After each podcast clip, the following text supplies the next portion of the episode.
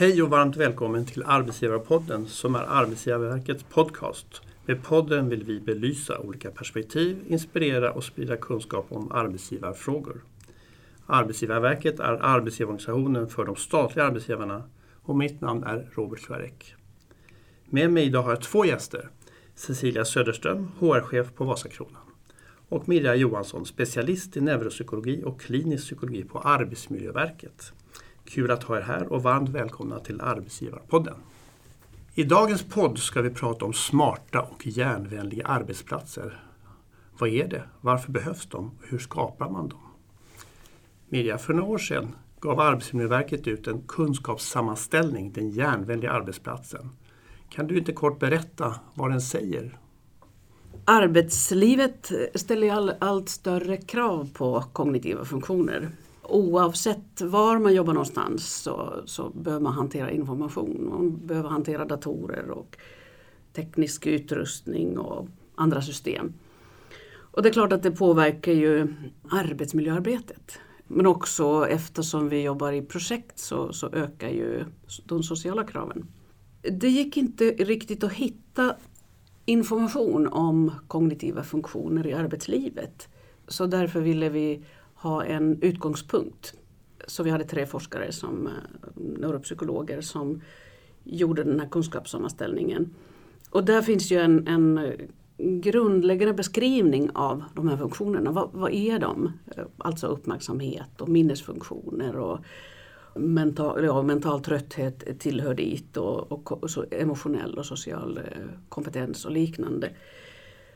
Det var ganska lätt att se, få uppgifter om hur många som har synfel eller som har allergi. Men det fanns inga siffror. Hur ser det ut med kognitiva funktioner? Hur vanligt kan det vara med att det är svårt att koncentrera sig till exempel?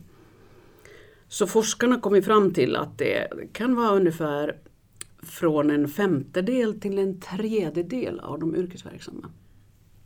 Det handlar ju inte bara om individen och individens resurser utan att eh, miljön, arbetsmiljön har stor betydelse för hur vi fungerar. Då blir resultatet att både problemen och lösningar är ju allmängiltiga för alla oavsett om man har nedsättningar i, i de kognitiva funktionerna eller inte eftersom alla har ju samma. Så vi, vi har ju alla behov av järnvänliga arbetsplatser. Om man till exempel tänker sig att man eh, använder mikrofon på stora möten så underlättar det ju för alla. För om det är många människor samlas och det prasslas och det hostas och det has och då minskar det ju den kognitiva belastningen om man har mikrofon. Och, det som är, och för vissa är det ju nödvändigt för de som eh, är lättstörda eller har hörselnedsättning. Så det som är nödvändigt för vissa är ju bra för alla. Så det, det, finns där hela tiden. Cecilia, ni har, på Vasakronan så arbetar ni mycket med arbetsmiljö så att de ska vara smarta och järnvänliga. Mm. Varför har ni gjort det? Vad har varit nyttan för er del? Vi gjorde en stor kontorsflytt för snart åtta år sedan och sedan dess har vi haft över uppemot 30 000 besökare som har varit och tittat på vår arbetsplats.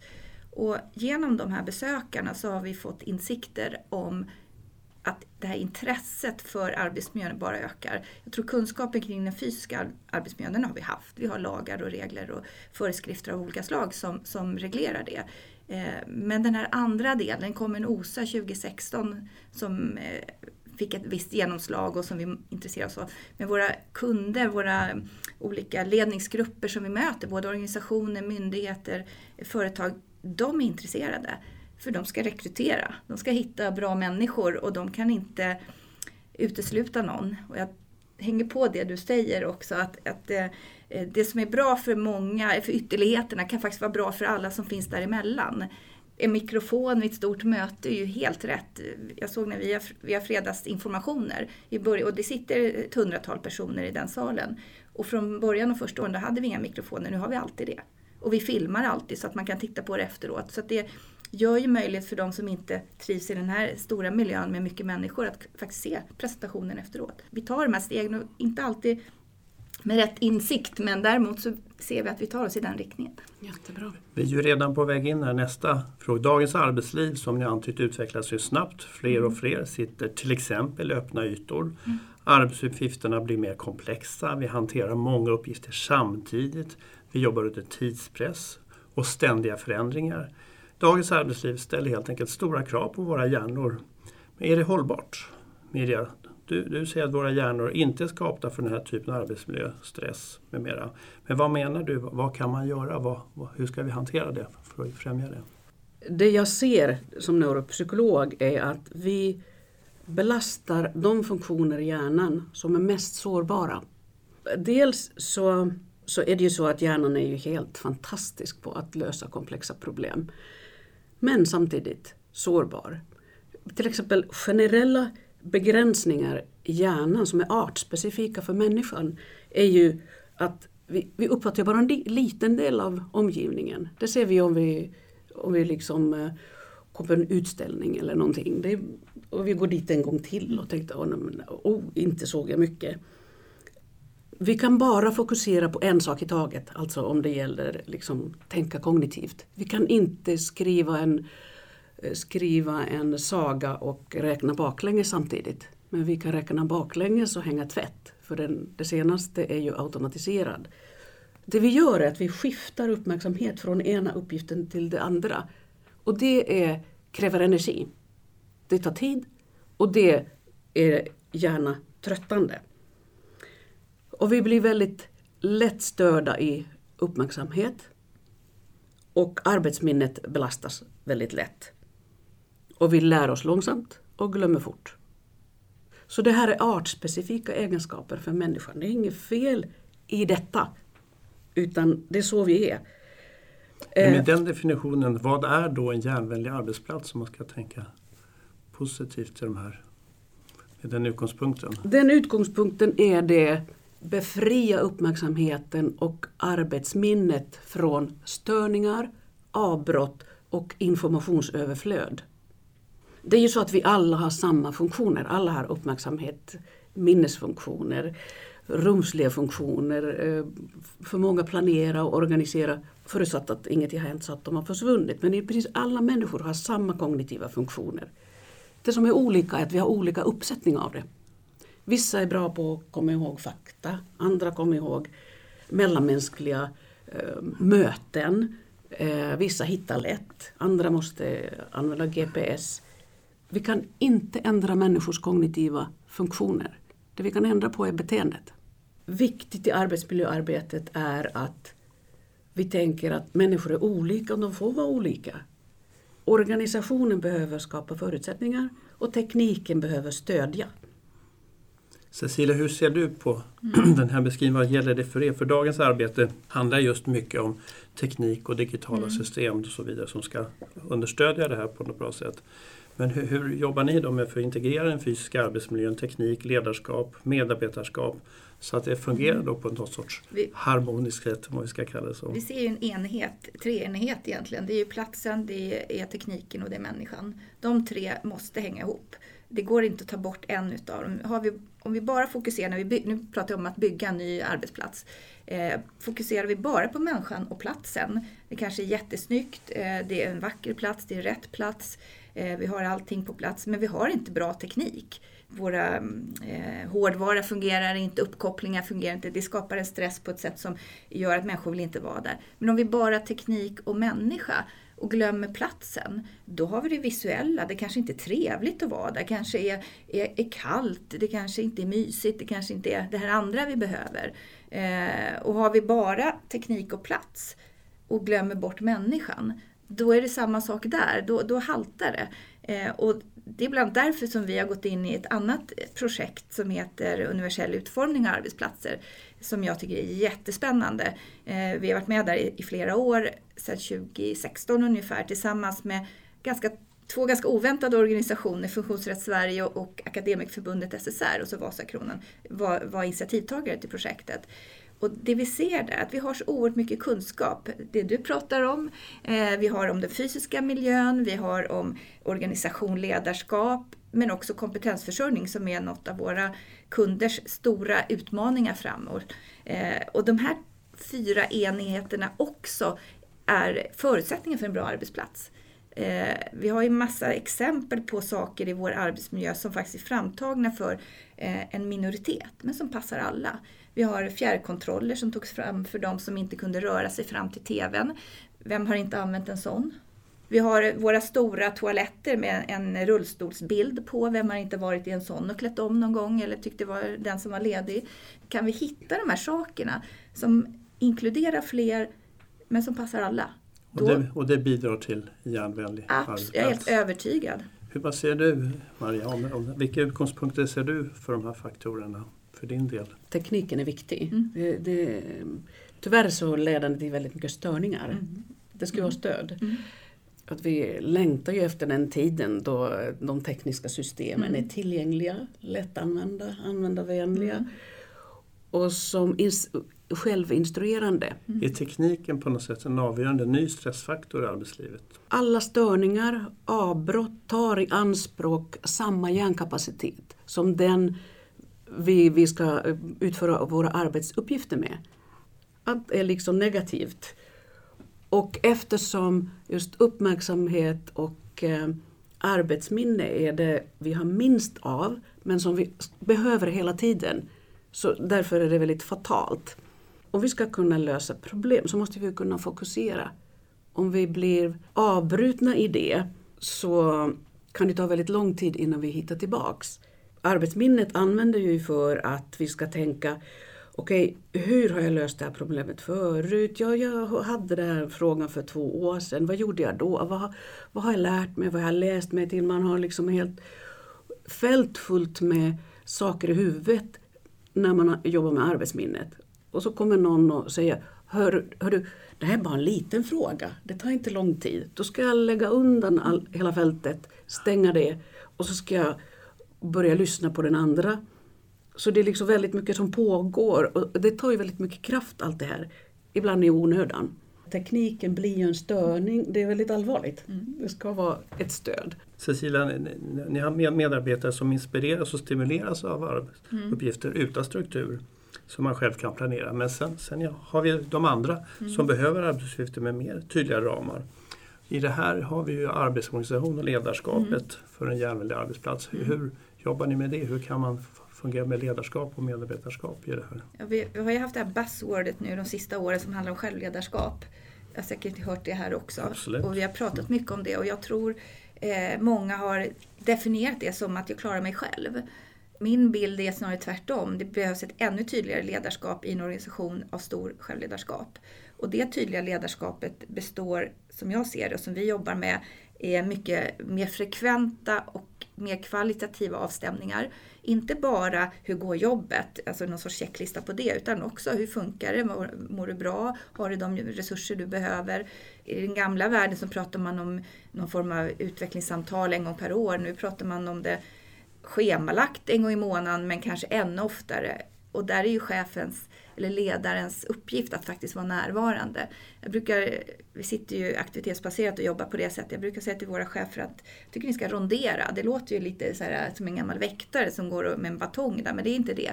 Utan det jag menar är att du går runt och ser alla varje dag. Även om du inte sitter bredvid dem. Har personen valt att sitta på en tyst zon för att inte bli störd, det vi pratade om alldeles nyss, då är det klart man inte går dit och stör. Eh, utan då får man hitta andra sätt. Men att se alla varje dag, även om vi inte sitter bredvid varandra, tror jag är oerhört viktigt. Det är ett sätt att visa respekt och, visa respekt. och, och visa integritet. Vi löser mm. frågor mm. snabbt och någon, ja, man kan också mm. uppmärksamma de, uppmärksamma de som eh, drar sig tillbaka helt eh, och, och gömmer sig. Utan då får man liksom fundera på vad beror det på? Och det kan vara så att man vill inte bli störd men det kan också vara så att det finns andra underliggande saker där som vi behöver mm. jobba med det är ju extremt viktigt att liksom god dialog med, med närmaste chefen och, och, och liksom eh, socialt stöd från arbetstagarna. Det är ju avgörande. OSA, organisatorisk och social arbetsmiljö, en ja, föreskrift från Arbetsmiljöverket. Ja. Där mm. är, är det liksom, en av paragraferna handlar just om tydlighet. Mm. Att det är så otroligt viktigt att jag som arbetstagare vet vad jag ska göra. Oro är ju någonting också som tar väldigt mycket kraft alldeles i onödan. Så då är det ju också en anledning till en tät dialog med chefen. Jag är på rätt väg och jag gillar jättemycket när du ställer den här frågan, vad behöver du? Mm. För att det är ju otroligt um, uppmuntrande och man växer av det. Jag jobbar ju som praktiker eller operativt med de här frågorna. Men jag har ingen forskningsgrund liksom, men, men om jag bara får göra en okulärbesiktning av organisationerna och i en typ av tjänstemannaorganisation som jag verkar, eh, där många leder sig själva, så skulle jag säga att det är mer och mer högpresterare som eh, råkar illa ut i den här typen av miljöer. När förväntningarna som du lyfter inte är tydliga. Eh, för att det finns alltid lite mer att göra, man kan jobba lite längre, man kan jobba lite andra tider där man inte är synlig. Och man har som person kanske svårare att sätta sina egna gränser. För ambitionsnivån är så hög hela tiden. Man pratar om good enough, det räcker nu. Men hur, hur talar man om det? Hur vet man när det räcker? Eh, när man är en ambitiös person som bara vill göra mer och mer. Då blir ju dialogen med en ledare och en chef oerhört viktig och det är också inte helt lätt. Det visar ju forskningen också. Ja. Det är ju de personerna som får illa. Men jag tänker att det, det kan ju vara väldigt mycket i Mm. den här otydligheten. Men om man har en tät dialog så kan man ju få svar på det. Att ja, men jag är på rätt väg och ibland behöver chefen säga att ja, men det räcker ju nu. Mm. Liksom. Så att man får hjälp i att hitta de här gränserna. Ja. Det här spåret är väldigt intressant för vi har tidigare i podden pratat om kreativa arbetsplatser, innovation och så vidare. Och just innovationsspåret är ju någonting som vi vill främja. Men vi kräver innovation och förändring och nyutveckling.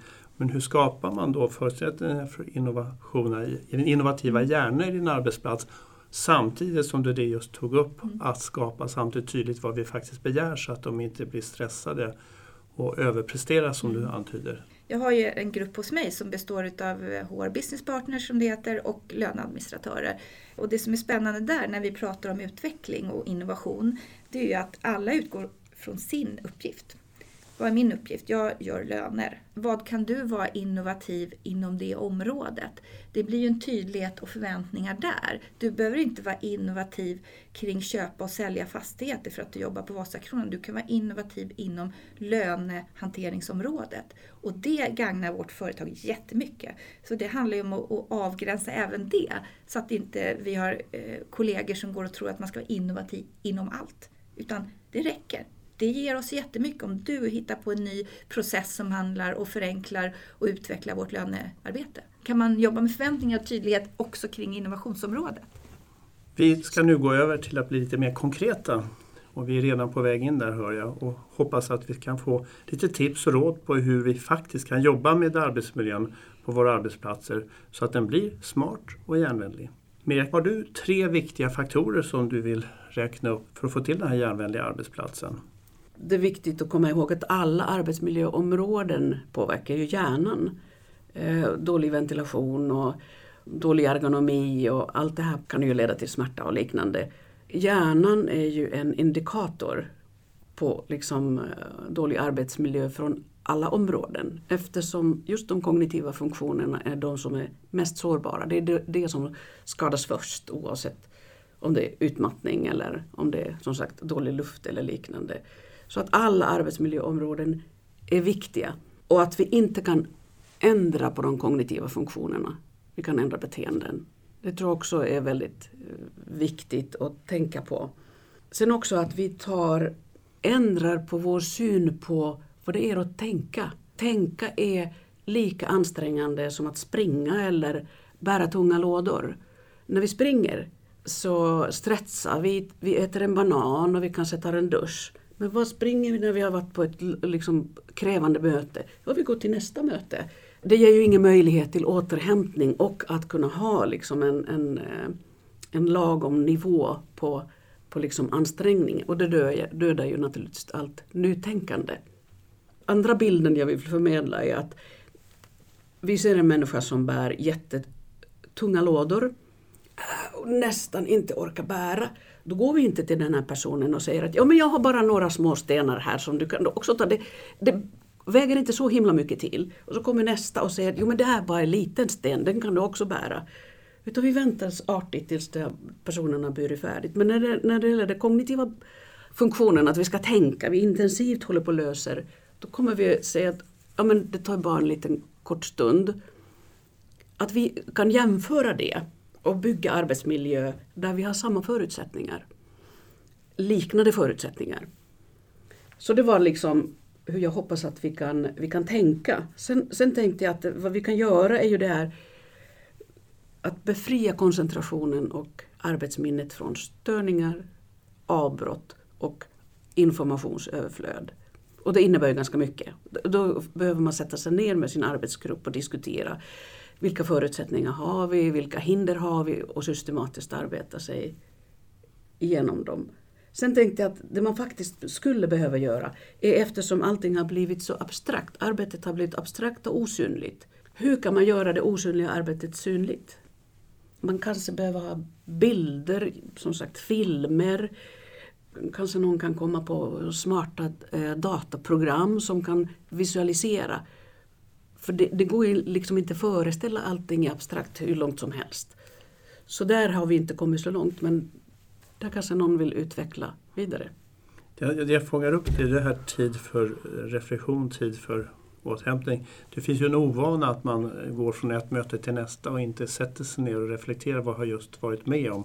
Och det blir det här stretching-momentet att man inte ens hinner slappna av och vad har jag gjort och fånga upp det och på det viset utan så går man till nästa. Det finns mycket sån kultur. Ännu värre ja. så finns det ett fenomen i hjärnan som kallas interferens ja. som innebär att nytillkommande information tränger ut det gamla. Precis. Och det är därför, alla har vi erfarenhet av att när vi springer från e- ett möte till ett annat så, så frågar någon på eftermiddagen, vad sa ni på, på enhetsmötet på förmiddagen? Man minns inte. Det är helt mot hur hjärnan fungerar. Jag tänkte mm. apropå det här innovativa, då behöver man ha organisatoriska förutsättningar så att man kan sitta länge. Det är inte så att man kan ha en timmes möte på möte och sen liksom hitta på nya saker. Så det behövs tid för reflektion och utrymme. Det tar tid att tänka. Svängrum. Ja, precis. Tanketid. Cecilia, vad, mm. hur reflekterar du över det ja. media säger och hur ja. ni hanterar det? Jag tänker på att man kan faktiskt bygga in, alltså rent fysiskt bygga in de här funktionerna. Det finns en amerikansk forskare som har pratat om the health mind platter, saker man ska göra under en dag för att må riktigt bra. Och tre av de tårtbitarna handlar om reflektion, mindfulness och fokus. Och kan vi bygga miljöer som ger utrymme för det här, det kan vara tysta zoner, det kan vara egna rum, även om inte alla sitter i egna rum hela tiden, för vi har andra funktioner vi behöver jobba med. Det är väl det som jag ser är eh, uppskattat och som vi har mer och mer utav. Egna bås, egna rum, tysta zoner, men också gemensamhetszoner. För han säger också att det sociala är viktigt. Så ett, bygga, bygga lokaler utifrån det behov som hjärnan har, men som vi också har av samverkan med varandra, för det är också ett stort behov. Del två, som jag tror är oerhört viktigt och det jag tror vi står i någon sorts brytningspunkt där, det är att vi alla som jobbar i näringslivet och i organisationer och myndigheter, alla vi som jobbar, vi måste lära oss. Vi måste lära oss mer om hur mår jag bra i det här? Vad har jag för behov? Vi pratar om individer. Alla har någonting som förenar men vi har också olika behov som är olika stora. Vad behöver jag? Vilka arbetsuppgifter har jag? Oj, nu har jag en koncentrationsuppgift. Jag ska sitta och, och analysera lönerevisionsarbetet. Ja, då går jag och sätter mig i ett eget rum eller jag går och sätter mig i en tyst zon för att få vara ostörd. Och det ger en signal till kollegorna att jaha, nu har Cecilia satt sig där, då vill inte hon bli störd. Det är en jättetydlig signal. Vi kommer flytta här i höst. Jag tänker att vi kommer ha ett lärande för alla våra medarbetare. Hur använder vi lokalen? Så att man inte traditionellt går och sätter sig på samma plats och sen inte sätter sig i en tyst zon utan mår, blir stressad av att det är mycket ljud. Och så sista skulle jag bara vilja säga. Eh, det handlar om dialogen i arbetsgruppen. Vad behöver jag? Vad behöver du? Det kan ju vara så att det krockar för att vi, eh, det tekniska ger möjligheter att vara tillgänglig hela tiden. Vi tar med oss jobbet hem, men vi tar också med oss privatlivet in på arbetstid. Och den här, de här gränserna som flyter ihop är svåra och vi är olika där. Någon vill stänga av prick klockan fem och inte tänka på jobbet där. Bra. Någon känner att jag måste åka och lämna och hämta barn klockan två på eftermiddagen och det är utvecklingssamtal med barnen och så vidare. Så jag jobbar lite på kvällen bra. Och så ska de här två mötas. Så dialogen i en arbetsgrupp men också med sin chef och ledare kommer vara helt avgörande. Så att den fysiska utformningen, eh, ett lärande i hur hjärnan fungerar så att jag kan nyttja det på bästa sätt. Men också en dialog. Vi sa tidigare att tekniken ska stödja människan. Vi kan mm. gärna lägga till som sagt att miljön ska mm. också stödja människan. Ljudmiljön jobbar ni mycket ja. med Cecilia. Mm. Kan för era kontor. Hur, hur har ni hanterat det? vi försöker hitta, återigen, olika zoner. Dels finns det ju zoner, en tyst zon med de här klassiska absorbenterna och så vidare. Men sen har vi också Vad är det för något? eh, absor- ljudabsorbenter på väggar och Jaha, ja. tak eh, Okej. på olika sätt som dämpar ljudet. Och textilier, och det finns på olika sätt. Men sen har vi också en, en area, en zon som när man har olika ar- arbetsplatser förstås, där det blir, det, man måste inte vara tyst man får prata. Men om vi inte hade haft den här liten sån här brusavstörning, ehm, avstörning, jag kan inte exakt, jag är inte tekniker, men det gör att det är ett litet, litet, litet brus som knappt hör. Men det gör att plötsligt törs jag prata där. Eh, Men det är också ju, eh, dämpande samtidigt. Eh, Så vi försöker hela tiden hitta nya Så att sätt. samtalet egentligen inte stör de Nej. andra så mycket för du har det här För är det för tyst i ett Ja. landskap, då vågar du ju inte ens prata i telefon. Sen måste vi ha massa egna små rum där man kan gå undan, men, men vi försöker att utveckla och hitta nya Intressant. sätt. Ja. Mm. Mira, utifrån ett hållbarhetsperspektiv, vi pratar ju om ett livslångt lärande, ett längre arbetsliv och överhuvudtaget till de perspektiven. Vad, vad, vad behöver hjärnan då? Hur får man eh, hjärnan att hålla länge så att vi kan länge och längre så att säga i framtiden? Vad är de viktiga perspektiven där på, på sikt? Mm, jag tänker att det är ju det finns ju grundförutsättningar så att Så att jag kan jobba här nu till 75 som. Ja, jag säga om vi tittar utifrån organisatoriskt perspektiv. Att det finns möjlighet då att du får tillräckligt med sömn. Att du får mat. Så att du, dels att det finns en sån kultur på jobbet att man verkligen äter lunch och att man stöttar varandra i det. Det måste ju vara en balans mellan, mellan liksom ansträngning och återhämtning. Det är otroligt viktigt. Liksom. Men det behöver också finnas en balans, lagom stimulans. Men det är också det här som vi sa, tydlighet. Att man, att man liksom har en känsla av att jag, jag är med, jag är viktig, jag behövs. Och det, det spelar roll att jag finns här, både utifrån mina arbetsuppgifter men också socialt. Det jag hör här som Mm, återkommer det är något, någon sorts fokus, koncentration men just återhämtning är så centralt. Och tiden där. Cecilia, hur, hur jobbar ni med återhämtningsdelen för att hjärnan ska fungera? Hur underlättar ni för era medarbetare att hitta den här balansen? Det är ju de här plat de fysiska platserna. Man kan ju återhämta sig tillsammans med kollegor men kanske ännu bättre för sig själv en stund. Att vi uppmuntrar det på många sätt. Eh, vi uppmuntrar inte att man sitter sena kvällar. Det är klart att någon småbarnsförälder går hem klockan tre och kanske tar någon timme på kvällen hemma. Då ska den tekniska förutsättningen funka. Men vi uppmuntrar inte det. Vi håller inte på och ringer varandra på kvällar om det inte är väldigt speciellt. Jag har jobbat med samma chef i många år. Jag tror han aldrig har ringt på tio år. Så att vi, det, det är ju en signalvärde hos ledarna att inte hålla på med de här sakerna. Man kanske skickar mejl sent men då gäller det att mottagaren ser till att inte läsa mejlet för dagen efter. Nej, och det gäller ju att, det är ju där jag menar att arbetsgruppen måste prata sig samman. En chef kan lägga på fördröjd leverans så att det inte kommer för nästa morgon. Eh, Men också att gruppen är enig om att även om jag skickar på lördagen så behöver inte ni andra läsa det förrän på måndagen. För att jag eh, har behov av att göra det. Jag behöver få ur med det här för att kunna vara ledig sen. Så att det finns ju olika. Sen skulle jag vilja lägga till, kanske lite skämtsamt men ändå, jag tycker vi ska reclaima den här latheten. Att faktiskt koppla av. Den här förebilden Kronblom som ligger på soffan och, och sover eh, titt som tätt. Kanske inte så mycket men lite mer av det. Och det tror jag har varit räddningen att, eh, för många. Att man kommer hem, det är okej. För nu har vi ju haft ett, ett, ett, en omvärld som säger att när du kommer hem efter jobbet då ska du sätta igång och träna med en stor klocka och så ska barnen ha 15 aktiviteter och så ska du laga en fantastisk middag. Så att det finns ju stresspåslag vart du än befinner dig. Så att den här sofflocket är inte så dumt alltså, någon gång. Han kanske ska ha mat och sovklocka också. Precis, tror jag blir jättebra. Och sen promenad på lunchen. Ja, promenad på lunchen. Ni återkommer ju då mycket till den här kommunikationen mellan chef och medarbetare och arbetsgrupp. Som många pekar på. Är det, är det något mer specifikt där man ska tänka på i den här kommunikationen chef-medarbetare? Det måste ju finnas ett genuint intresse eh, från, led, ja. från ledare. Så det är väl den, den nya typen av ledare. Den, den gamla kanske var mer kontrollerande och uppföljande. Och idag måste det finnas ledare som är genuint intresse, intresserade av människorna Mm. och vill verkligen att eh, det här ska gå bra. På individnivå men också i gruppnivå. För vi pratar mycket, vi pratar mycket om ledarskap och medarbetarskap Mm. så att man har en, en dialog, en rollfördelning där, däremellan och tillsammans med de andra. Vad säger du Miriam? Ja, jag tänkte också att den, den positiva atmosfären och den, den vad ska jag säga, uppmuntrande, lyssnande chefen Ehm, det är ju mycket, mycket mer motiverande. Det är ju så liksom all psykologisk forskning visar att positiv feedback ger ju bättre resultat. Engagemang, uppföljning, eh, uppmuntran. Och jag tänker som motpol till det så är vi ju, jag tror du var inne på det för ett tag sedan, eh, så är vi ju alla vuxna människor som befinner oss på, på samma plats, alltså arbetsplatsen. Så att var och en har ju också ansvar att möta den här, vara del av den här dialogen. Det räcker inte om chefen försöker om man inte vill eller bjuder in eller om man inte är delaktig. Vi är i en kontext av faktiskt väldigt många vuxna människor som är samlade på en plats som har ett stort ansvar för att det här ska funka.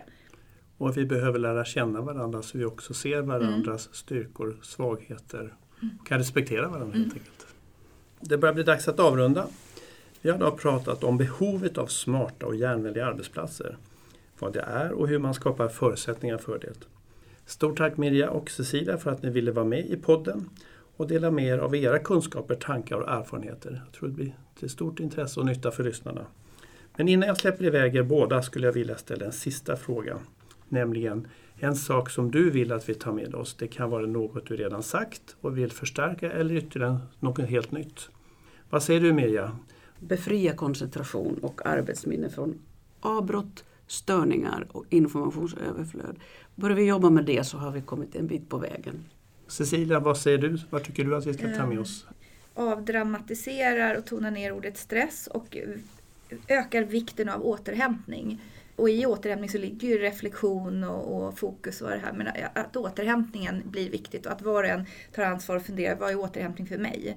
Är jag icke störd på tunnelbanan eller är att jag är ute med en häst eller är det att jag sitter i ett rum? det är olika, men att vi vet var och en, vad är återhämtning för mig? Så återhämtning skulle jag vilja lyfta. Och tack också till dig som lyssnat. Om du har några frågor eller förslag på ämnen som du vill att vi ska prata om i Arbetsgivarpodden, hör, hör gärna av dig till oss på webb. Vi hörs snart igen. Hej då! Hej då! Hej då! Hej då!